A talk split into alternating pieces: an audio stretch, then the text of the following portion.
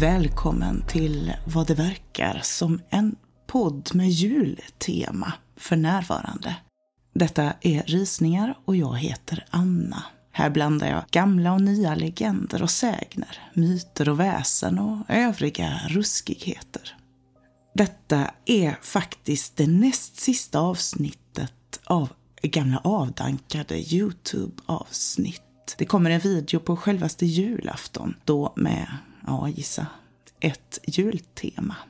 Men efter det så tycker jag att vi släpper julen och vi lämnar diverse gammalt material bakom oss. Sista avsnittet i den här säsongen kommer ut på självaste nyårsafton och kommer vara lite av en överraskning. Vill ni komma i kontakt med mig så finns jag på Instagram och Youtube. Sök efter rysningar där. Eller så tar du helt enkelt och mejlar mig på rysningar78 gmail.com. Men nu så tänkte jag att vi skulle bekanta oss lite med ett väsen som har skrämt oss rejält genom tiderna, nämligen mylingen. Och enligt vår nordiska folktro så är mylingen ett dödat spökbarn. Namnet myling kommer från myrding, som betyder mördad. Oftast handlar det om ett spädbarn som blivit mördad innan det hunnits att döpas och fått ett namn. Och helt ovanligt var det inte förr i tiden att ogifta mödrar dödade sina barn för att förskona dem från det liv som väntade de båda som ogift mor och hennes oäkting. Mylingen, det här spökbarnet, visade sig som i den ålder som det då skulle ha varit om det hade levt. Och om det inte dök upp rent visuellt så lät det sig oftast höras i form av gråt eller snyftningar. Men det finns även berättelser om hur de sjunger och dansar. Man kunde höra eller se dem i närheten av de platser de hade gömts undan och begravts på. Eftersom möjligen miste livet innan det blev döpt och hade ett namn så händer det att den söker kontakt med människor bara för att be dem om ett namn. Om man då svarar genom att ge den ett lämpligt namn kan mylingen få ro. Man kan även ge den sitt eget namn. Man kan också hjälpa mylingen genom att leta fram kroppen och begrava den i vigd jord. Eller att avslöja brottet i sin sanning och låta modern få sitt straff. Då ska mylingen få frid i sinnet och sluta spöka. Man har hittat rester från spädbarnslik i mossar och stenrös och under stugors golv. Man har även hittat barnlik i kyrkogårdsmurar. Kanske ville modern att barnet ändå skulle få komma till himlen genom att gömma den lilla kroppen så nära vigd jord det bara gick. Många sägner berättar om hur mylingar återvänt för att hämnas på sina mödrar genom att avslöja dem som mördare eller till och med ta deras liv. I vissa sägner försöker mylingen suga mjölk ur moderns bröst och slutar inte förrän den har sugit ut allt liv ur kroppen. Mylingar kunde vara lömska, elaka och farliga. De var mycket skrämmande spöken. Runt juletid var det i folktron närmare till den farliga andra världarna. Väsen, spöken och småknytt hade lättare att visa sig. Samtidigt som jul var en fin tid så var den också därför mycket farlig och skrämmande. Och här kommer en berättelse om en myling som gjorde sig känd just vid juletid.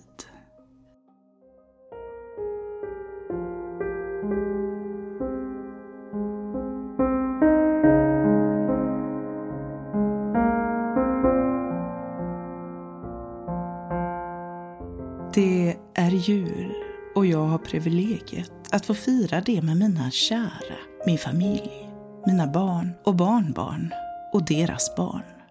Jag har upplevt julen många år och den är lika vacker varje gång. Jag vet att detta kanske kan vara min allra sista jul som jag får vara med. Tiden går och jag har blivit gammal. Men inte sörjer jag för det.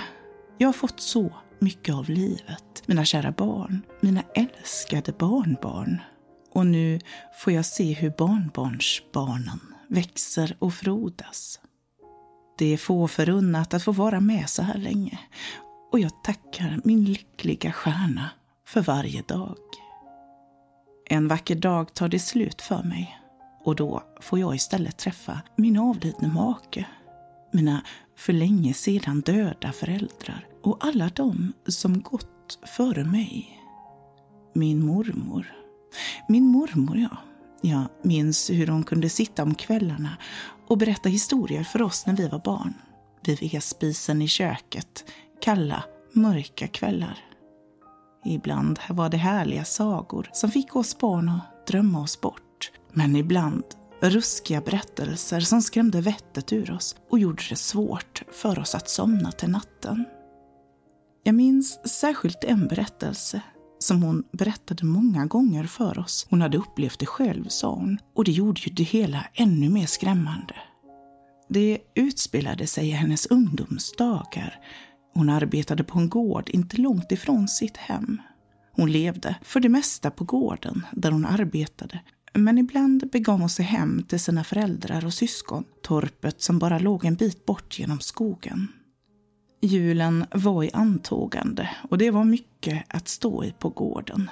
Det fanns att göra från tidig morgon till sena kvällen för både husfolket och pigor och drängar. Ja, för gården var stor till storleken och många var de som arbetade där, särskilt vid juletid. En sen eftermiddag kom hennes lillebror springandes genom skogen. Han bar bud om att deras mor hade insjuknat i feber och låg till sängs. Han kom för att be mormor komma hem och hjälpa till att sköta deras mor samt hushåll och deras yngre syskon. Husfolket, som var fina hjärta och själ, gav mormor lov att bege sig hem och släppa allt arbete. De var till och med så vänliga att de packade ett knyte med bröd och ost och torkat kött och dricka till hela familjen. Ja, till och med några av de nystöpta ljusen packade den rara husmor ner. Och med försäkran om att de skulle klara sig på gården, för de hade ju Anna-Greta och Hulda, de andra två pigorna, att hjälpa dem i julstöket. Innan mormor fått avslutat dagens arbete packat det som hon skulle bära hem till sina föräldrars torp så hade det hunnit bli kväll och ordentligt svart ute. Bara tanken på att gå den än så korta vägen genom skogen i mörkret gav henne rysningar. Livrädd för otyg och småknytt som hon var. Hennes bror hade väntat in henne så att de kunde ta följe i mörkret. Och det var ju en fin tröst. Frosten bet i kinderna min mormor hade en tjock sjal som hon virade runt huvudet och axlar. Men ändå kröp kylan inunder denna kalla kväll. Så begav de sig, syster och bror, tillsammans med knytet att bära på samt en lånad oljelampa att lysa dem vägen i natten. Glad för att de fått låna lampan som brann sin lilla låga för det var allt ljus de hade. Och ärligt talat, inte gav lampan mycket ljus. Men de klarade åtminstone hålla sig på stigen genom skogen. Men vid ett stenröse de passerade, som troligtvis tidigare tillhört en gammal husgrund, frös deras blod nästan till is av rädsla. Så förskräckligt rädda blev de när de hörde gråt och snyftningar komma från röset. När de lös närmare med lampan såg de hur ett smutsigt, naket barn satt på stenarna. Lika verklig som du och jag. Men naken intill skinnet, bara några år yngre än brodern som höll en lykta mot barnet och stenarna. Gråtande satt barnet ihopkurat med armarna om sin magra kropp. Tårarna trillade för den lilles kinder. Så smutsig var han att hans bleka skinn knappt var synligt. Hans huvud smyckades av ett djuprött kopparfärgat hår, så lockigt och så vackert att man kunde ta det för en gloria. Stilla stod syskonen som frusna till marken. oförmögna att lyfta ens ett finger. När gossen framför dem lyfte huvudet Snyftandes mötte de hans klarblå glittrande ögon som var fulla i tårar. Med en barnröst tjock av gråt bad han dem om ett namn. Det skulle hjälpa honom att få ro, menade han. De båda syskonen var helt i det klara med att de just stött på en myling. Ett sorgligt men mycket farligt spökväsen av ett dödat barn. Det fanns många förskräckliga historier om hur folk hade gett sina namn till mylingar och då gått samma öde till mötes, blivit osaliga, namnlösa, efter att ha mördats. Därför vågade syskonen inte ge sina namn till den stackars mylingen. Men de stannade en stund för att dela med sig av den mat de hade i knytet och mormor lindade sin stora sjal runt barnet i ett försök att skänka mylingen lite värme i den kalla natten. De samtalade en stund och mormor och hennes bror lovade att försöka avslöja vem det var som hade skadat mylingen så illa. De skulle även försöka söka efter honom och låta honom få vila i vigd jord om de fick reda på var han fanns. Detta fick gossen att sluta gråta och ger dem ett tacksamt leende. Gossen berättade hur hans mor för många år sedan fött honom i löndom. Hur han kvävts av hennes händer och hur han sedan begravts under jord och sten här vid den gamla husgrunden där ingen någonsin letade. Hans mor kände han inte namnet på, men hon arbetade vid en gård i närheten. Han kunde berätta hur hans och hans mors ögon var de samma och hur håret på hans huvud var precis detsamma som hennes. Mormors bror valde att ge gossen deras lykta innan mormor och han skyndade vidare genom den mörka skogen hem till torpet. De pustade ut rejält när de kom hem till torpet och där talade syskonen aldrig mer om saken. Mormor strävade och tog hand om sin sjuka sängliggande mor samt sina små syskon i torpet. I dagar funderade hon i tystnad på mylingen och hans ord. Ett par dagar senare verkade mor pigna på och må bättre. Febern gav med sig och hon höll sig vaken längre stunder. Det var skönt att se. En morgon när modern vaknat berättade hon om en dröm som gett henne styrka. Hon hade drömt om ett barn med rött hår och blå ögon bärandes på en lykta och en sjal virad runt kroppen. Han hade kommit och smekt henne över kinden, gett henne ett leende och efter det hade allt börjat kännas lite bättre.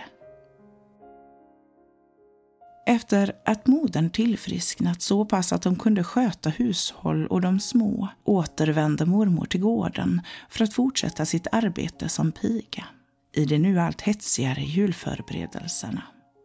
På vägen hem genom skogen, som nu stod i frostigt dagsljus, gick hon förbi stenröset. Men hon såg inte skymten av gossen. Kvar stod dock lyktan. Sjalen låg ringlad på en sten och maten de lämnat låg frusen kvar. Precis som syskonen lämnat det. Hon hade dock inte hjärta eller mod nog att ta tillbaka sakerna de lämnat utan skyndade vidare. Hon hade ju haft flera dagar på sig att fundera och planera det möte där hon nu kunde avslöja gossens mor och mörderska.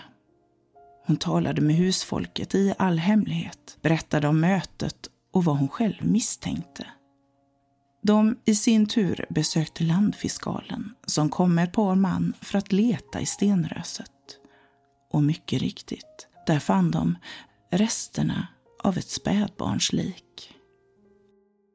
När landfiskalen senare förhörde alle man och kvinnfolk på gården erkände pigan Hulda. Hulda med sina blå ögon och sitt vackra röda hår som flätats i en tjock och yvig fläta hängandes ut med ryggen. Hon erkände hur hon blivit havande mot sin vilja och fött en natt i all hemlighet.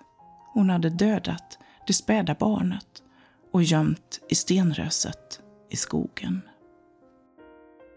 Kvarlevorna av barnet fördes till kyrkogården och begravdes där. Mylingen fick ro och behövde aldrig spöka mer. Modern fick sitt straff och sattes bakom kaller.